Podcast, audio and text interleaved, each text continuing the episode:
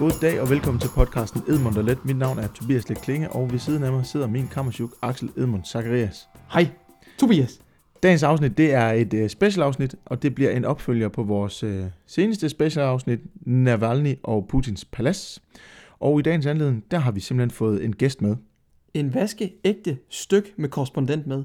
Og det gør vi jo, fordi at Mester Navalny, nu er han saftsusme blevet dømt for at udblive fra sin parole officer. Og det er Gal Mathias. Og det var altså vel at mærke, mens han lå i koma, at han udeblev. Så man skulle sige, at han havde en undskyldning for ikke at komme. Men uden at øh, tage alt for meget hul på alt muligt spændende, som vi skal snakke om i dag, så øh, synes jeg, at vi skal lade vores gæst introducere sig selv. Hallo? Ah. Ja, ja, ja. Ja. ja. Check my speaker. Input level. Det er, Hallo? Jamen, skal, det er den her. Ja, vi skal sidde her. Ja, det er det, så fint. Øh, output, på lidt tryk på den. Hvor vi? Test. Øverst. Test, ja. Så virker min mikrofon også her? Ja, Jeg ved ikke, om der er lidt forsinkelse på linjen, eller det er bare lige at dit kamera, der ikke lige følger med. Nej, det er nok godt nok. Øh, jamen altså, skal jeg bare introducere mig selv, sådan øh, kort øh, navn og, øh, og det hele? Det kunne være dejligt. Øh, jamen, øh, jeg hedder Emil Rotbøl, og jeg er øh, Ruslands korrespondent for Berlingske. Øh, og jeg har, det har jeg været her det sidste års tid, men øh, jeg har beskæftiget mig med Rusland i hvert fald de sidste øh, 15 år, hvis ikke længere, øh, hvor jeg siden jeg blev færdig som sprogofficer i, øh, i herren. Øh, så, så jeg taler russisk, og jeg læser russisk, og har, har fulgt med i, i landet i, i næsten al den tid, som Putin har siddet ved magten. I øjeblikket sidder jeg i Valby, så jeg er Ruslands korrespondent for Valby, men øh, det er fordi grænserne er lukket, så øh, ligesom de andre Ruslands, danske Ruslands korrespondenter, så har jeg lidt problemer med at komme, komme ind i landet lige nu. Så har du sådan en plan på, hvornår du skal tilbage igen, når, når det bliver muligt? Jeg, jeg øh, rykker løbende min øh, kurator, som det hedder, i det russiske udenrigsministerium, for øh, hvornår jeg kan få, øh, få min akkreditering og få lov til at komme afsted, men øh, jeg, jeg, jeg, jeg, jeg tør ikke sige det. Jeg ved det ikke. er det igennem øh, officeruddannelsen, at din interesse øh, er startet for Rusland, eller hvor stammer den fra? Nej, det startede faktisk før det. Øh, det startede lidt tilfældigt. Øh, jeg havde i, øh, i gymnasiet, der, der kom jeg ind i sådan en klasse, hvor jeg, hvor jeg læste øh, russisk. Øh, og så, øh, og så da jeg skulle, så skulle jeg være værnepligtig, og så hørte jeg, at der var den her øh, russisk uddannelse. Og så, så tænkte jeg, det, var da, det kunne da være meget sjovt. Så, så på den måde blev det vagt. Så det er altså af, kraft af den her sprogofficeruddannelse, du også så havner ved Berlinske, eller har du også sådan haft en lidt en journalistisk baggrund, tilgang til det? Jeg jeg er journalist. Efter, efter jeg var øh, blev færdig som sprogofficer, så er, jeg, så er jeg uddannet journalist, der har gået på Syddansk Universitet og har taget øh, bacheloren der. Og har været på information, øh, var i praktik der og var på information i 10-11 år. Øh, hvor jeg også var udlandsredaktør i øh, 4-5 år, inden jeg så skiftede tilbage til at blive skrivende og, og kom over på, på Berlingske som, som Ruslands korrespondent. Jeg har, så jeg har også rejst i, jeg har også rejst i Rusland og skrevet en del om Rusland gennem årene, men jeg har ligesom ikke haft det som et, mit fokus øh, i journalistikken før her det sidste års tid.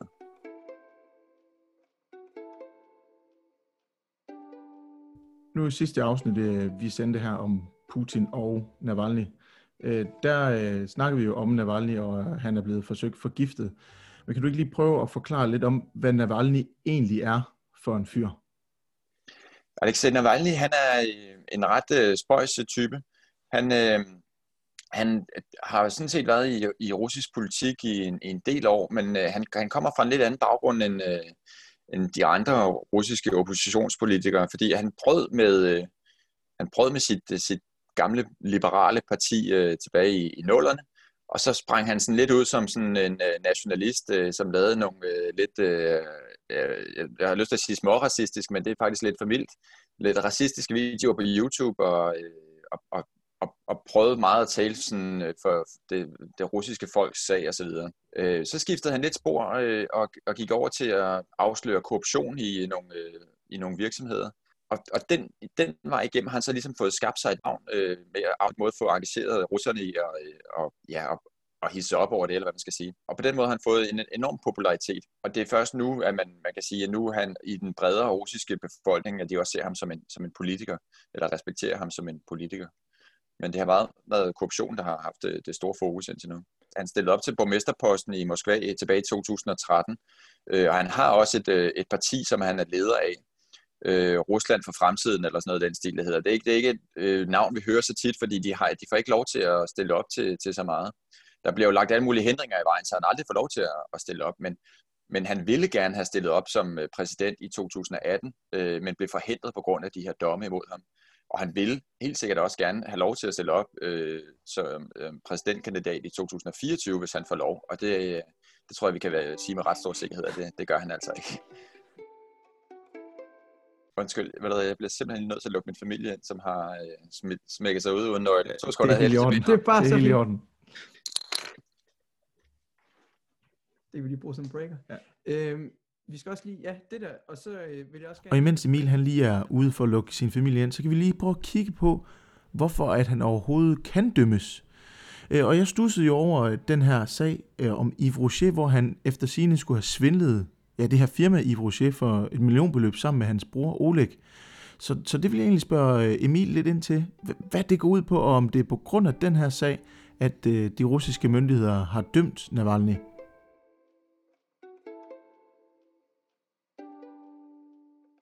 Så, kan bare se, at min kone ringede febril, skal jeg sende sms'er.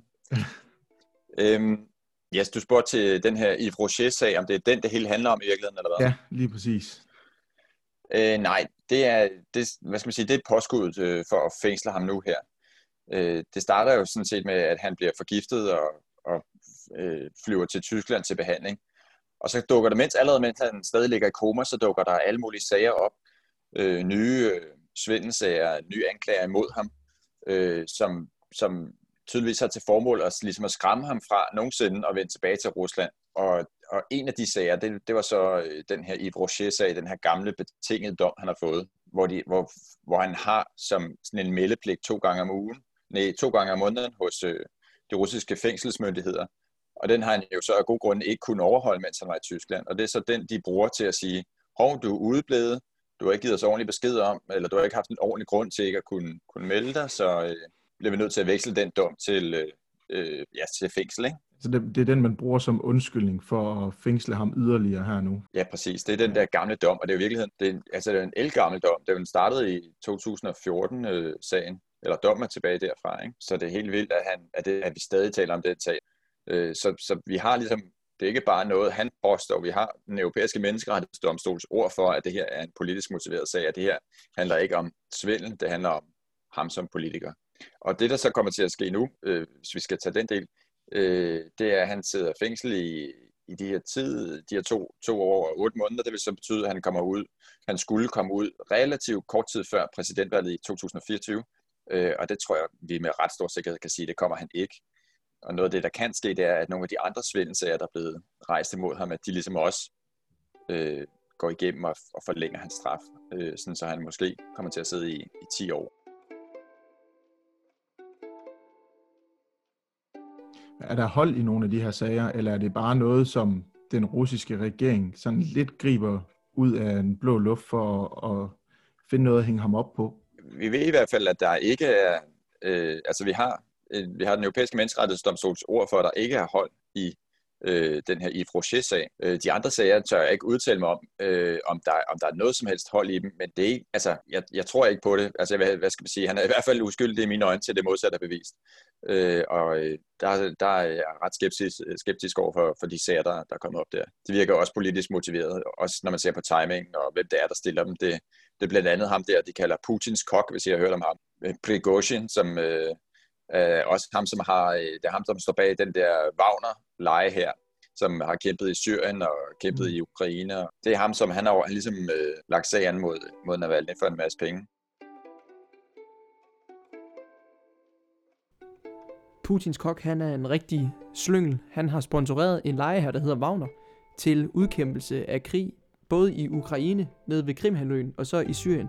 Og de har faktisk også tænkt sig at blive ved med at etablere sig ned i Syrien. Og det skaber også en masse palaver dernede lige nu. Men det er et helt andet afsnit, og det kommer vi til at dække meget nærmere. Men i hvert fald, Putins kok er en fyr rigtig, rigtig tæt på Putin, der har styr i alt, også Putins penge. den der øh, lille ret i den der lille by, han blev ført til, umiddelbart efter han blev anholdt, der den 17. Det var jo med en, en, en dommer og et retssystem, der egentlig ikke sådan var legitim, kan man sige på den måde, men i forhold til hans arrestation her for, og hans dom for nogle dage siden, altså det foregik egentlig sådan i okay rammer, og der var mediedækning på. Er det ikke øh, korrekt? Jo, øh, den første den første høring, øh, han, han blev tilbageholdt i paskontrollen lige da han landede. Og så øh, allerede næste dag, så på politistationen, øh, der har lavet de sådan en intimistisk øh, øh øh, rets, retslokale, hvor han så fik forlænget sin, øh, eller hvor han blev fængslet i 30 dage i første omgang. Og så var det så i Moskvas byret, øh, at det her øh, seneste retsmøde fandt sted, hvor han fik, han fik de her par år i fængsel. Og øh, jo, på den måde, så var, der, så var rammerne jo øh, sådan set øh, i orden, og der var... Øh, ja, der var, der var medierne, der havde fået adgang, og øh, der var, de, måtte ikke, de måtte ikke filme fra selve, fra selve retssagen, øh, men fik lov til at filme øh, domsafsigelsen. Ja, ja på, så på den måde, så, så var der, så var der ligesom, det var, der var rammerne nogle andre, end, øh, end det var i, i, øh, i første omgang. Men tror du så, rammerne, de var så tilpas ordentligt den her gang?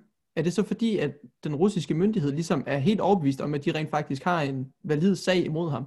Altså det, det er noget, han kan dømmes for det her? Nej, det handler om, at øh, de også øh, stadig til en vis grad øh, prøver at se, øh, få, få de rigtige tv-billeder ud til, til den store del af den russiske befolkning, som ikke øh, stoler på Navalny. Altså det er omkring halvdelen af russerne, øh, 50 procent af russerne, som ikke tror på, at han er blevet forgiftet. Øh, og det, det er i hvert fald ikke var den russiske stat, som står bag. Øh, og det er jo, om, og det er jo omkring øh, 50 procent, øh, som, som, heller ikke, som heller ikke støtter op om hans, hans handlinger, der, som, som simpelthen siger, at øh, han er skadelig for, for landet, ikke? Øh, med sine korruptionsafsløringer osv. Så, så det var rigtig, rigtig mange. Det er jo slet ikke, det var ikke på den måde, at øh, han, han ville kunne slå Putin i et, øh, i et åbent valg. Øh, han har, han har, der er en kæmpe stor del af den russiske befolkning, som ikke bryder sig om ham. Og, og, og den del af befolkningen, de skal måske ikke, have, de skal måske ikke overbevises med, med så meget om, at han, at han er skyldig i de her ting. Men, men der pynter det alligevel, alligevel på det, hvis man har nogle, øh, nogle tv-billeder af en mand, der står i et glasbur øh, og, får, og en dommer, som, øh, som siger alle de rigtige ting osv., ikke? Så, så vil de sige, at han er blevet dømt i, han er dømt i et færre retssystem, og så, så kan man nemmere ligesom afskrive det hele som, øh, hvad skal man sige, bortforklaring af det der med, at han ikke var skyldig, at sige, at han er blevet dømt i en, en, en færre, færre rettergang her, ikke? Ja, så kan man så vurdere, hvor færden så i virkeligheden er.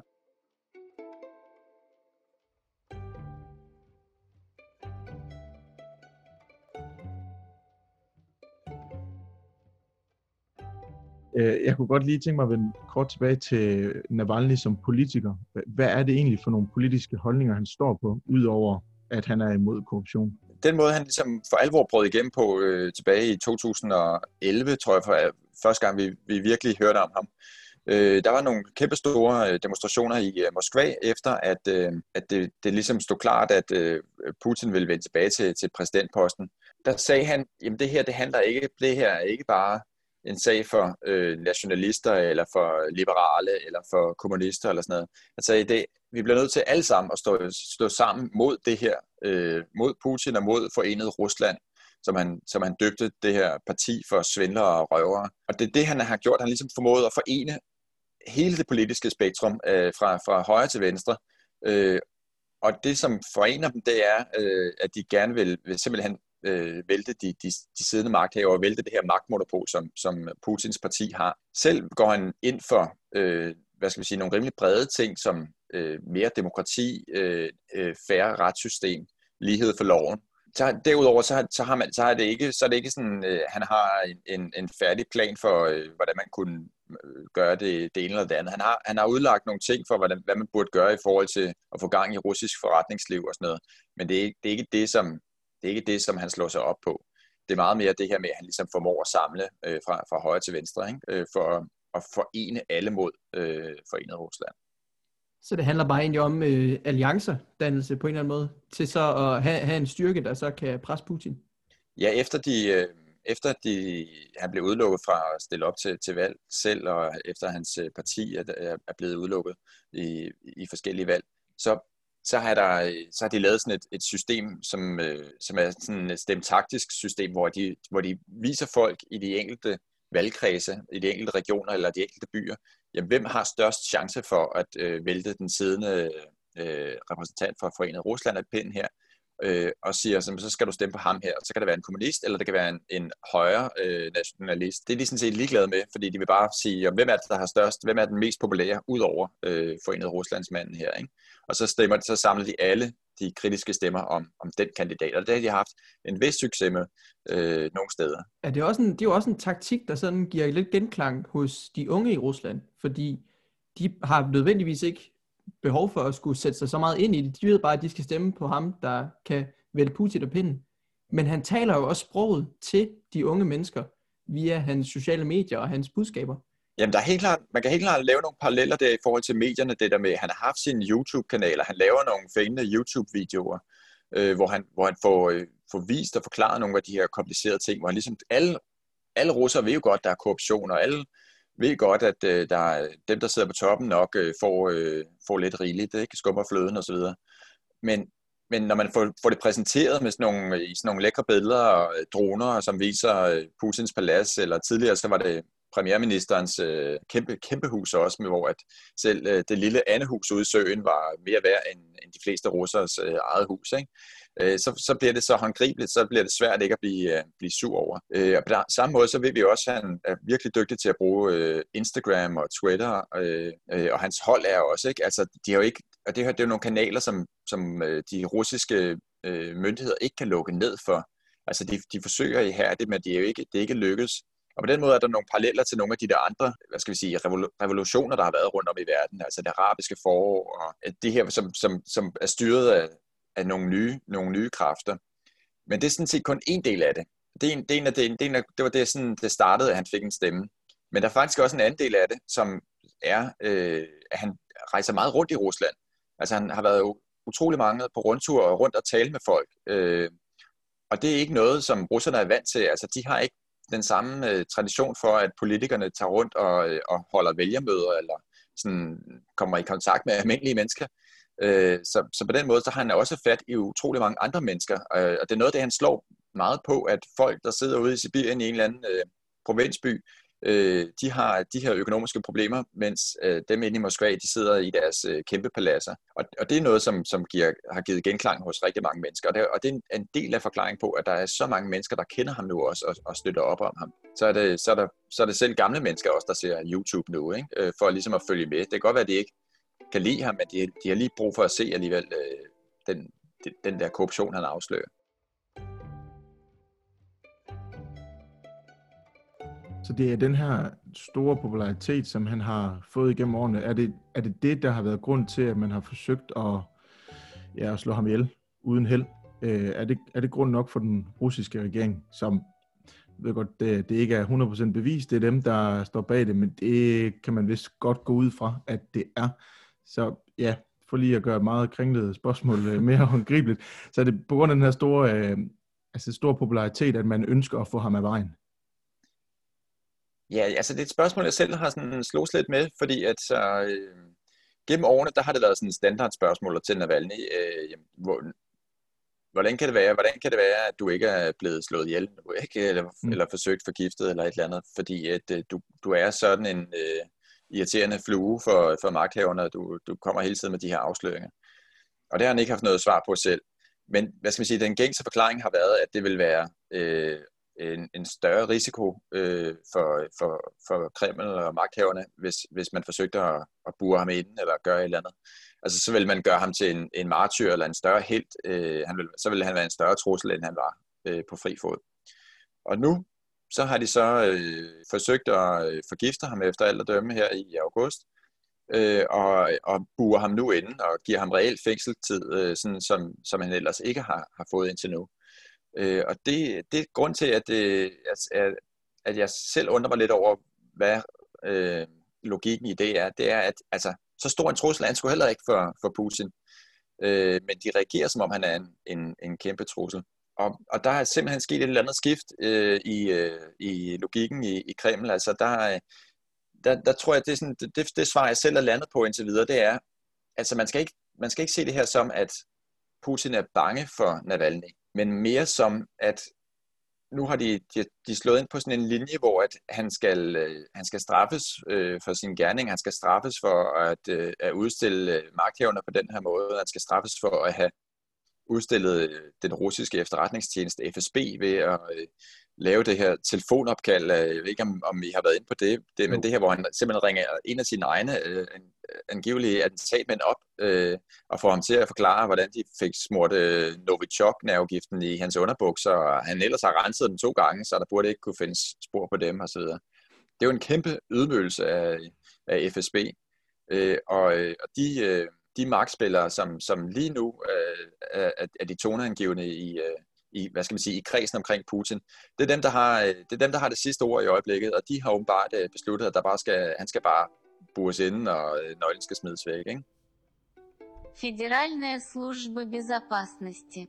Altså, FSB, det er det føderale sikkerhedspoliti i Rusland, der tager sig af alle indrigsopgaver. Og det er den direkte efterfølger til det sovjetiske KGB, som ringer en klokke ved de fleste. Og de er nogle sløngler! Fordi jeg tror også, vi har også siddet og diskuteret det der spørgsmål, om man virkelig ønskede at få skaffet ham af vejen. Men jeg kan ikke lade være med at tænke på, at der må jo være et eller andet spil i Kreml, der har sagt, at vores vurdering er, at det simpelthen er bedst at få ham likvideret. Men man har jo slet ikke overvejet, at det Novichok, han fik på sine underhylder, at det ikke var nok til at slå ham ned.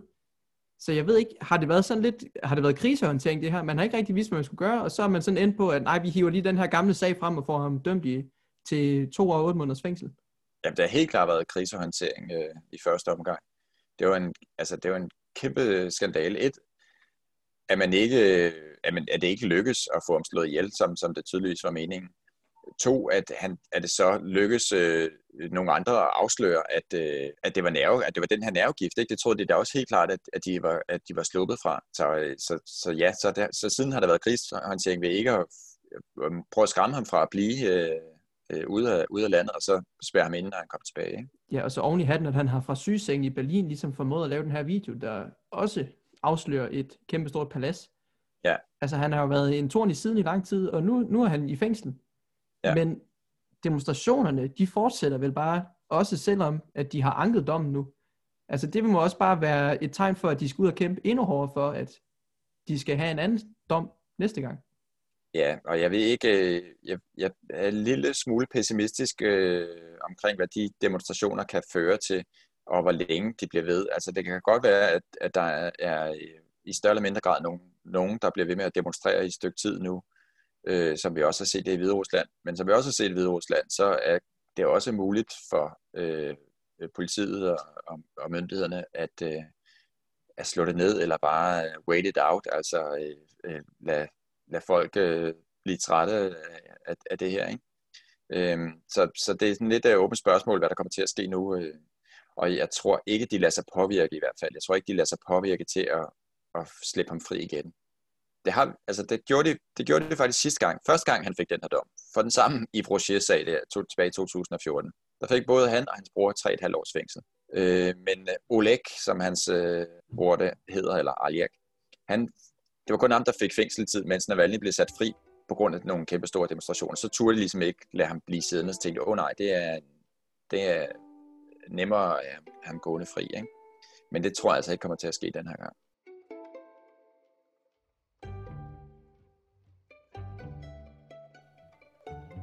Nu er der mange, hvad det hedder, fra det internationale samfund, der har været ude og, og fordømme det af det ord, der bliver brugt om det. For eksempel den tyske kansler Steffen Seibert og en talsperson på vegne af det hvide hus og øh, ja, vores egen øh, kofod. Øh, men det her begreb, eller det her med at være ude og fordømme noget, har det nogen konsekvens i virkeligheden, eller løfter Rusland bare lidt på skuldrene og siger, nå, til det? Jeg tror, de vil rigtig gerne slippe af med de her økonomiske sanktioner, som der har været mod dem siden 2014, hvor de, hvor de snuppede Krimhaløen. Altså, der er ingen tvivl om, at det vil de gerne. Øh, det lægger nogle forhindringer på dem. Øh, der er stor diskussion om, hvor ondt det gør, men, men det er i hvert fald, de er i hvert fald irriterende.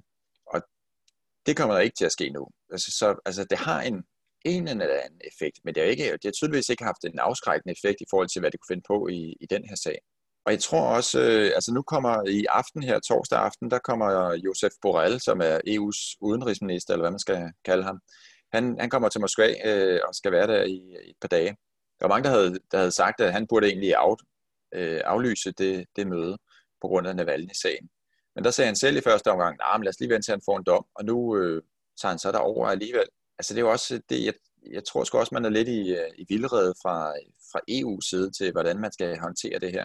Fordi ja, hvad er, det, hvad er det, man kan gøre? Man har i forvejen indført sanktioner mod, øh, mod alle mulige mennesker på alle mulige ledere og kanter. Men øh, ja, og, og selvfølgelig kunne man bare, hvad skal man sige, så kunne man, så kunne man klø endnu hårdere på, men, men det er lidt svært at, det er lidt svært, altså man har heller, der er heller ikke nogen, der har interesse i bare fuldstændig at, at kappe båndene til Rusland. Det, vil, det er heller ikke en løsning på, på lang sigt, vel? Så hvad er det, hvad er det den, den gode løsning er her? Og derudover så er EU-landene jo også bare fuldstændig i tvivl om, eller i splid med sig selv om, hvad, hvad, hvad, skal, hvad er den rigtige tilgang her. Ikke? Men tror du måske noget af EU's tvivl, den kommer fra, at de ligesom kigger til vest og ser på og afventer, hvordan USA de vælger at takle det? Fordi man går jo fra en Trump, der ligesom var stor fan af Putin og roste ham i, til højre og venstre og sådan noget. Og nu for, har man en Biden, der jo også er med på at sanktionere på grund af en lang række ting nu, men også Navalny-sagen.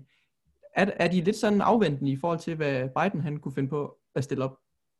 Øh, nej, jeg tror sådan set, de er klar på at gå øh, deres egen vej, altså gøre det, de selv synes er rigtigt, men jeg tror bare, de har svært ved at blive enige om, hvad det skal være, fordi det har jo altid været sådan, at, at, at der er forskellige øh, altså der er forskellige holdninger til, til Rusland i EU. Altså på den ene side har du Polen og de baltiske lande, og til vestgrad Danmark, øh, som har været med på det her strammerhold, øh, og så har du haft Tyskland og Ungarn og andre lande, som, som har været sådan lidt mere øh, øh, bløde i, i tilgang, øh, og har, haft lidt mere sådan appeasement-strategi, især fra Tysklands side. De har altid været dem, som har talt for om øget samarbejde og øh, gasledninger, og hvordan man ligesom kunne knytte bånd, sådan så at øh, det, det vil blive sværere for begge sider at, at øh, forvære forholdet. Ikke? Så vil det simpelthen blive, så vil det blive økonomisk så meget dyrere, hvis man havde tætte økonomiske bånd. Men, men så, så derfor er det også svært for, for EU at, at komme i en eller anden samlet, samlet tilgang.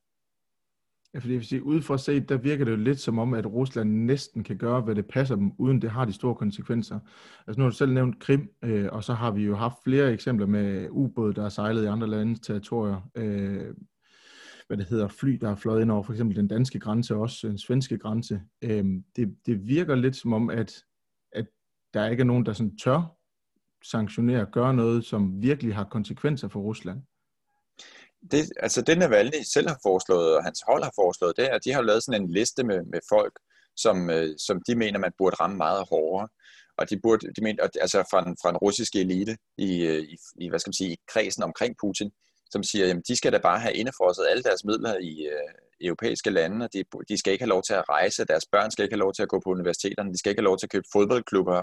Altså alle de her ting, øh, som, øh, som vi kan jo se, at, at de godt kan lide at bruge deres penge på. Øh.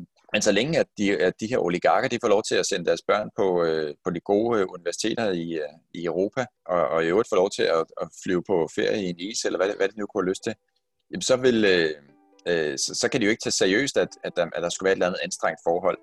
Øh, så det, hvad skal man sige, det, det er en tilgang, og det er indtil videre ikke den, man har, øh, har valgt. I hvert fald så øh, har, man, har man begrænset det til, til nogle andre sanktioner indtil nu.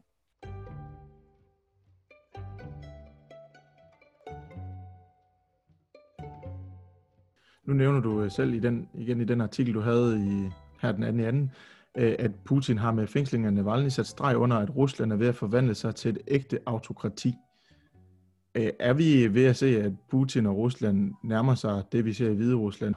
Der er mange ting, der minder om Hvide Rusland i, i tilgang her. Der, der er stadig et rigtig godt stykke vej til, til Hvide Rusland. Men, men det der, altså det, det, det der er lidt sjovt øh, ved Rusland, øh, altså tit, der, jeg, sådan min opfattelse det er, at øh, der er mange i Danmark, som, som ser i forvejen Rusland som sådan et diktatur, øh, hvor at, øh, Putin bestemmer det hele, og man kan øh, øh, få kappet hovedet af, hvis man laver en joke om, om Putin. Og sådan er det jo ikke. Altså, der er jo, der er jo relativt stor øh, frihedsgrader i, øh, øh, i landet, og, og det er jo ikke sådan, at, øh, at man som journalist ikke kan, kan skrive, hvad man vil. Øh, øh, der, der, der er jo... Øh, der er masser af folk, som er imod Putin, og som siger det åbent, øh, og som, som ikke har nogen, altså som ikke føler nogen problemer, eller får nogen problemer på grund af det. Og, øh, og, og samtidig så, øh, så, så, så, ja, det er på den ene side, ikke? Altså, så på den måde, så, så nogle gange, så finder man tit i sådan en, en situation, hvis jeg er i et selskab eller sådan noget, så finder man sådan, tit i sådan en, en situation, bare fordi jeg prøver at nuancere det lidt, så, så lyder det som om, jeg kommer til at forsvare øh, Putin og, og, og Rusland. Men det er simpelthen fordi, vi, der er nok sådan, man har nok et billede af, at det er stadig en, sådan en form for øh, Sovjetunionen, og det, og det er det ikke. Omvendt, så er der også bare en, en så har de taget en tydelig, øh, nogle tydelige skridt sådan hen mod øh, ja, mere autoritært styre her, som ikke kun handler om, om forgiftning af Navalny. Det handler også om den, den her nye øh, forfatning, som, øh, som Putin fik trumfet igennem i sommer, hvor han nu kan få lov til at blive siddende øh, indtil 2036, hvis han, hvis han ellers vil. Og, og, og derudover øh, er, der, er der nogle andre mekanismer i den der forfatning, som, som ligesom øh, viser, at det ikke, de er ikke på vej mod en mere balanceret magtfordeling, som det ellers hed. De, de, er, de er meget mere ud i øh, en eller anden model for, hvordan man kan centrere magten endnu mere og, øh, og øh, ja, ja, kontrollere, hvad der kommer til at ske i, landet fremover.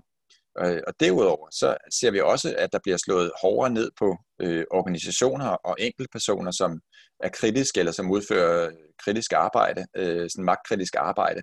Altså de bliver stemplet som fremmede agenter, de får begrænsede muligheder for at øh, øh finansiere deres aktiviteter.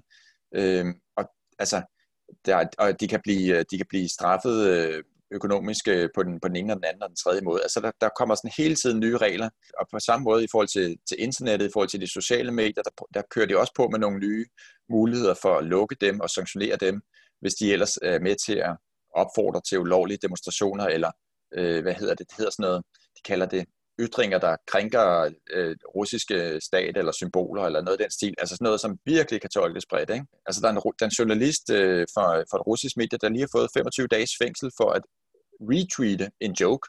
Øh, altså det er sådan, hvad fanden? Mm. Det er jo helt, det er jo helt gak. Øh, så, så det er ikke kun Navalny. Øh, vi, øh, jeg, jeg tænker på, når jeg, når, jeg, når jeg skriver det der med, at de, de tager et skridt i en, eller i en mere autoritær retning. Vi ser det på en, en lang række områder. Og det er jo super bekymrende, og, og ja, og hvad kan, man, hvad kan man gøre ved det? Altså, det, det, det har sgu desværre ikke rigtig noget godt svar på lige nu, må jeg sige.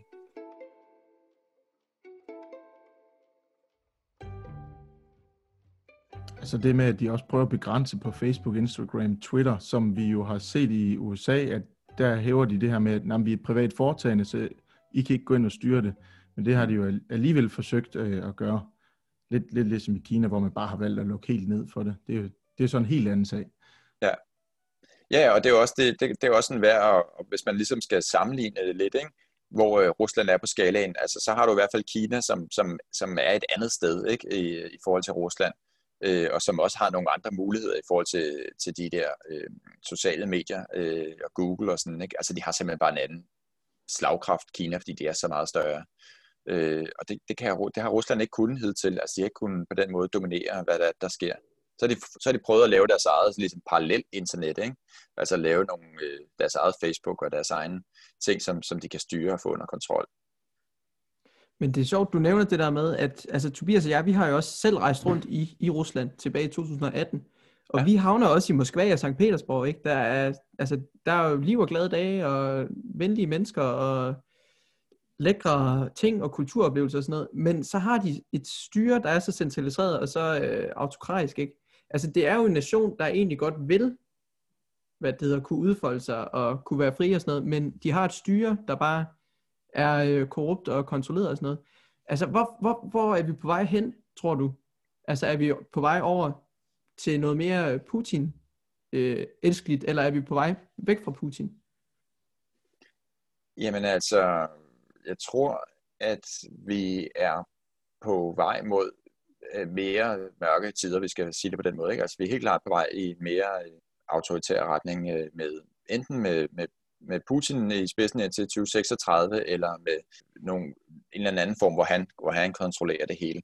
Så, og, så er der en stigende, så er der en stigende utilfredshed. Altså det, der er problemet nu, det der er udfordringen, og det som er årsagen til, at det ligesom har tilladt Navalny indtil nu, det er jo, at der er, der er brug for en kanal til den vrede og den utilfredshed, der er øh, dem, som ikke har lyst til at stemme på Putin, de skal, de skal jo også have lov til at søge et eller andet sted hen, for at komme af med deres, øh, deres holdninger.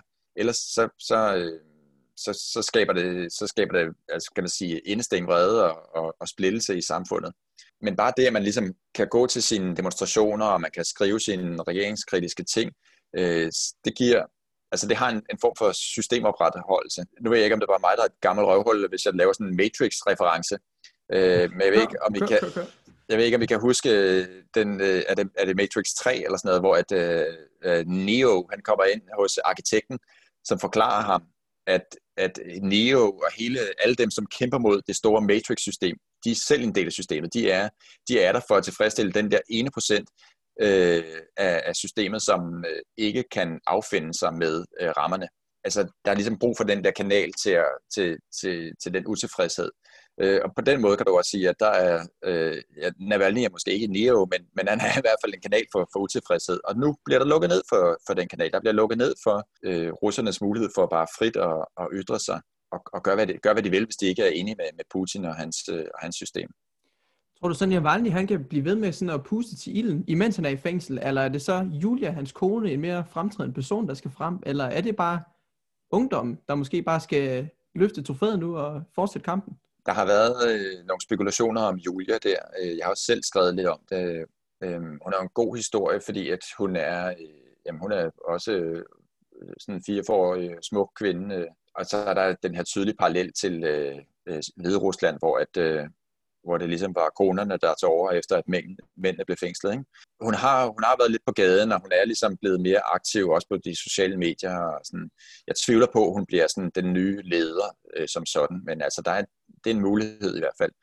Øh, jeg ved ikke, hvor kræfterne ellers skal komme fra, men han har jo formået at bygge sådan en hel organisation op over hele Rusland, øh, med kontorer i mange forskellige øh, lokale provinsbyer. Ikke? Og, og, den, og dem har de også til en vis grad forsøgt at lukke ned. Altså, der har også været mange anholdelser og rensag, øh, rensagninger. Og sådan. Men, men hvad skal man sige, systemet kan en vis grad køre, ud, øh, køre videre uden Navalny. Også fordi de hele tiden har vidst, at det var en mul, at det var en risiko, at han blev, at han blev øh, anholdt eller sat ud af spillet. Øh, og og det, det skal lidt stå sin, øh, sin øh, prøve nu. Altså de, de kørte videre med det her strategiske stemmesystem øh, i september, mens han stadig lå i koma. Der var øh, nogle lokalvalg, øh, og der kørte de videre med det der system. Øh, så det var jo ikke afhængigt af, at han sad der og styrede det på den der måde. Men, men de har jo også brug for en, de har også brug for et eller andet ansigt og en figur. Og til en eller anden grad vil Navalny jo stadig være det ansigt, han vil stadig være det symbol, mens han sidder i fængsel. Øh, men der er også brug for nogle ledende kræfter ude øh, på, øh, på jorden, og, eller i friheden. Ikke? Og, og det, det ved jeg ikke endnu, hvem, hvem det bliver. Det tror jeg heller ikke, de selv ved endnu.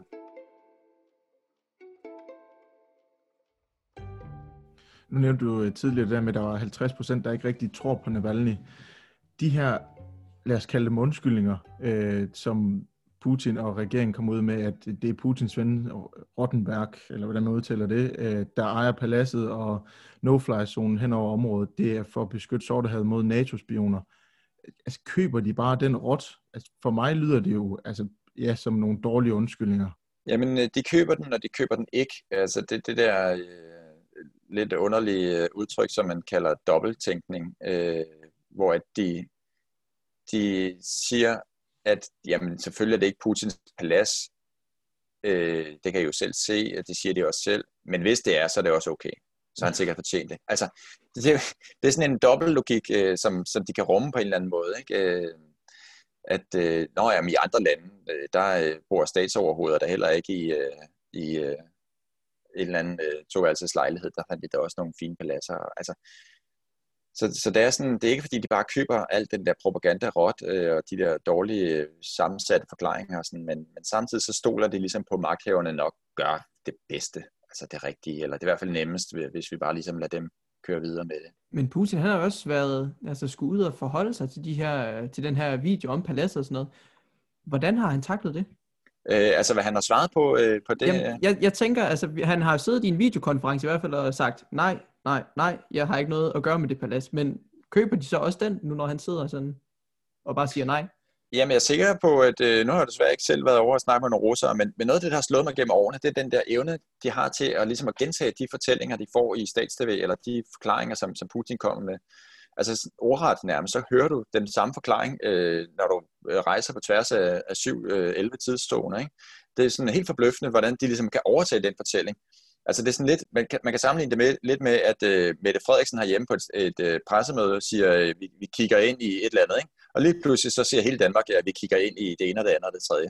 Det gør russerne så bare i meget større skala, øh, med, med hele forklaringer, ikke bare med, et, med en enkelt, øh, hvad skal man sige, en enkelt øh, talemåde. Vel?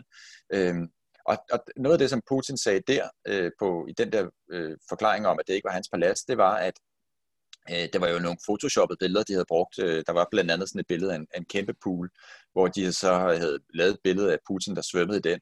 Og sagde Putin, jeg har aldrig svømmet den pool, det, men jeg svømmede sådan der i en flod i øh, Sibirien for øh, x antal år siden, og, så det er jo bare fotomanipulation det hele. Ikke? Og det er der jo aldrig nogen, der har lagt skjul på, at det er fotomanipulation. Øh, det er jo ligesom bare noget, det har gjort, for at det skal se sjovt og lækkert ud. Ikke? Men, øh, men det er sådan en forklaring, som jeg godt kunne forestille mig bliver, bliver gentaget ude omkring i, i de små hjem, når, når de diskuterer det der. Altså, det er tydeligt at se i den video, når de har sat tingene ind, altså for, for at det skal være lidt sjovt, lidt komisk. Øh, men dem, der så er imod Putin og, og tror på Navalny, nu ved jeg godt, du ikke har været over at snakke med nogen russer, men hvordan modtager de sådan nogle undskyldninger, som dem øh, Putin og, og den russiske regering kommer med? Jamen, jamen jeg, jeg, jeg tror, de har sådan en eller anden grad af tillid til, at, øh, at det nok er det bedste. Altså, øh, at, det, at det bare skaber for meget... Øh, øh altså, det, det bare skaber mere uro, end det, end det gør godt, hvis man, hvis man rokker båden for meget. Ikke? Øh, og den, øh, det der så færre færre, der tror på i, i takt med, at det går dårligere. Altså, de har jo også, de er også ramt af coronakrise. De er også ramt af øh, frustrerede mennesker, der har mistet deres indtægt, eller bare er trætte af, at øh, de ikke kan gøre det, de plejer, som vi, vi ser i resten af verden. Ikke? Øh, og den, den rammer så ned oven i den her øh, øh, politiske utilfredshed over, øh, ja, at, at frihedsrettighederne er, er ved at blive rullet tilbage. Så, så hvad skal man sige, det er den kalkyle, de, de er ude i. Ikke? Altså, øh, hvor meget, kan de, hvor meget kan de tillade sig øh, i sådan en tid, hvor, et, øh, hvor der er krise, ikke? Altså, hvor, det, hvor, det ikke, hvor den almindelige russer ikke ser sin egen økonomi forbedres. Det var meget nemmere, det var meget nemmere tilbage i nullerne, da alle blev rige. Ikke? Altså, der kunne, der kunne han gå på vandet, Putin. Det var meget nemmere, da han havde taget Krim i 2014, selvom han havde hele verden på nakken, så var russerne bare ellevilde, fordi det synes de bare var en fantastisk præstation. Det var ligesom at få Rusland tilbage op øh, på, øh, på toppen af, af landene i verden. Ikke? Altså, det var nogen, der kunne, der kunne, der kunne snuppe et stykke land, som, som de mente tilhørte dem, øh, og der var ikke nogen, der, der var ikke andre, der kunne gøre noget. Ikke? Øh, på samme måde, så det, det, det, som de virkelig har sat sin lid til nu, det er jo den her vaccine også. Ikke? at den også kan blive set som sådan en, et bevis på Ruslands storhed, og øh, at, at Rusland er en af de store spillere i verden, som, som kan være med til at, at bringe verden ud af den her pandemi.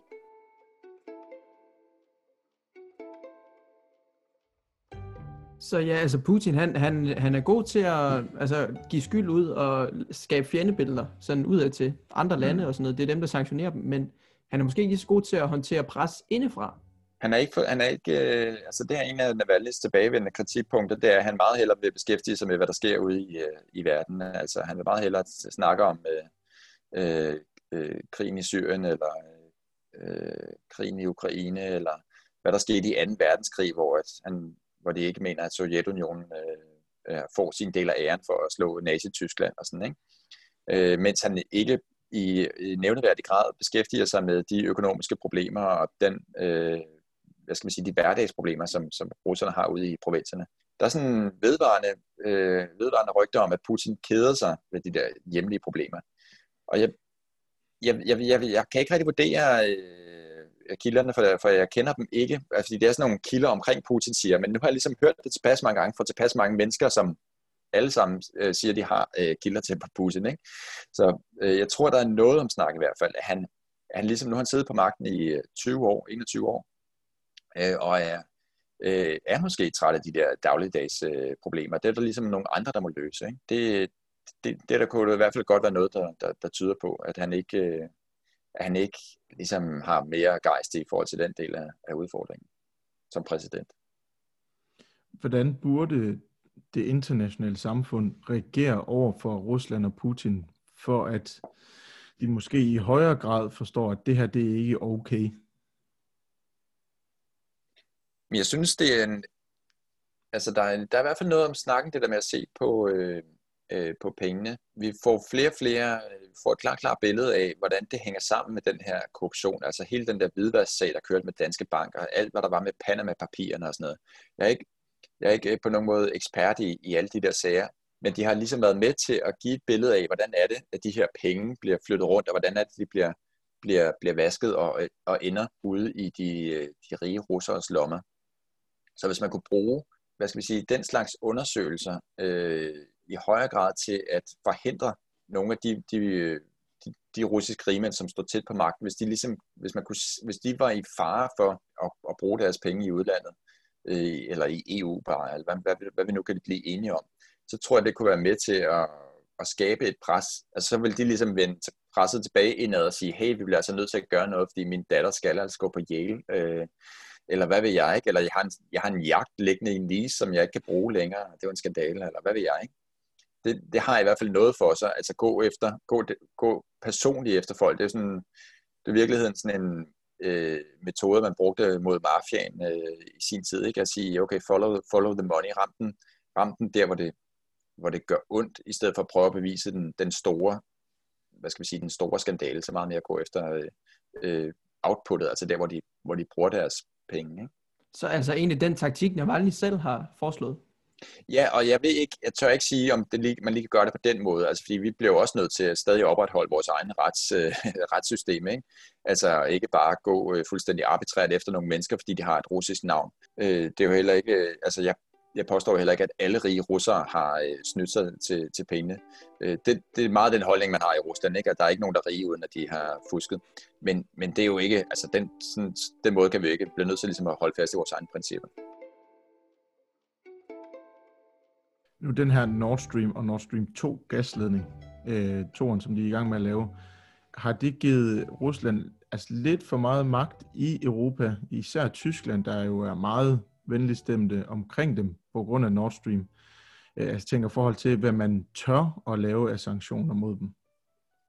Jamen jeg tror ikke, altså den der Nord Stream, øh, jeg synes det lidt er en, øh, ja, altså kort sagt synes jeg, jeg kan ikke se ideen i at skulle boykotte den der Nord Stream ledning. Øh, så, så skulle det mere være for noget med, at vi laver, vi satser på noget mere vedvarende energi, eller, altså en helt anden diskussion, ikke? Øh, og jeg tror ikke på, at, at at Tyskland er mere venlig stemt over for Rusland på grund af den der gasledning. Altså så stor en betydning har den simpelthen ikke for, for Tyskland. Det er, øh, altså, det er sådan lidt en, øh, øh, ja, det, hvad skal man sige, det, det, det, er en, det er en falsk diskussion, synes jeg. Jeg synes ikke, at den, jeg, jeg tror ikke på, at man kan, at det, at det gør nogen forskel, om man, om man straffer Rusland gennem den Nord Stream-ledning eller ej. I virkeligheden så er det jo bare, altså det er jo virkeligheden at, at gøre det, som vi har beskyldt russerne for gennem rigtig mange år, nemlig at bruge gassen som et politisk våben og sige, så lukker vi for den, ikke? Altså det er, en, det er en forretning, der er i gang, og ja, man kan sige, at øh, den går ligesom udenom om Ukraine, øh, men altså, ja, det, det, det, det er et andet spil, det der gas, øh, gasværk. Øh, og tyskernes kalkyle, det er meget mere den der, som, som, jeg, øh, som vi var inde på før, med at jamen, hvis vi kan lave nogle økonomiske bånd så, så vil vi måske også bedre kunne finde ud af det politisk. Øh, jeg, jeg har ikke set, øh, jeg synes ikke, jeg har set nogen øh, gode argumenter for at, at korte den der Nord Stream 2. Men kunne det måske være en forklaring, at, at vi sådan i EU har måske brug for at forstærke det der fjendebillede over for Rusland, og så egentlig er med til at gøre det til en, en værre historie, end det egentlig er? Altså Nord Stream øh, ting specifikt ja. tænker du på? Ja, ja. Mm, altså, der er ingen tvivl om, at vi i perioder i hvert fald har brug for det der russiske fjendebillede. Det var, det var noget, som vi i Danmark i hvert fald brugte rigtig meget, øh, da vi skulle til at bruge nogle flere, flere penge på forsvaret. Det var at sige, at russerne kommer, russerne kommer, uden at der var nogen øh, mm. særlige tegn på det. Ikke? Og det handlede jo i virkeligheden om, at det var Trump, der ville have os til at bruge nogle flere penge øh, på, på NATO. Det kan der være gode argumenter for, ikke? Men, men der var bare ligesom ikke nogen analyse, der, der lå til grund for at sige, at, dem, at vi skal bruge dem, fordi at russerne kommer lige om lidt. Så, så der er helt klart, hvis på den måde det et, et, et spil, der går begge veje, at vi også godt kan bruge det der russiske fjendebillede til at opnå noget politisk øh, øh, herhjemme. De her, øh, hvad det hedder, demonstrationer, øh, og Navalny i det hele taget, og alt det, han har startet, kommer det til at have den store effekt, eller kommer Putin og den russiske regering til at lykkes med at slå det nogenlunde ned?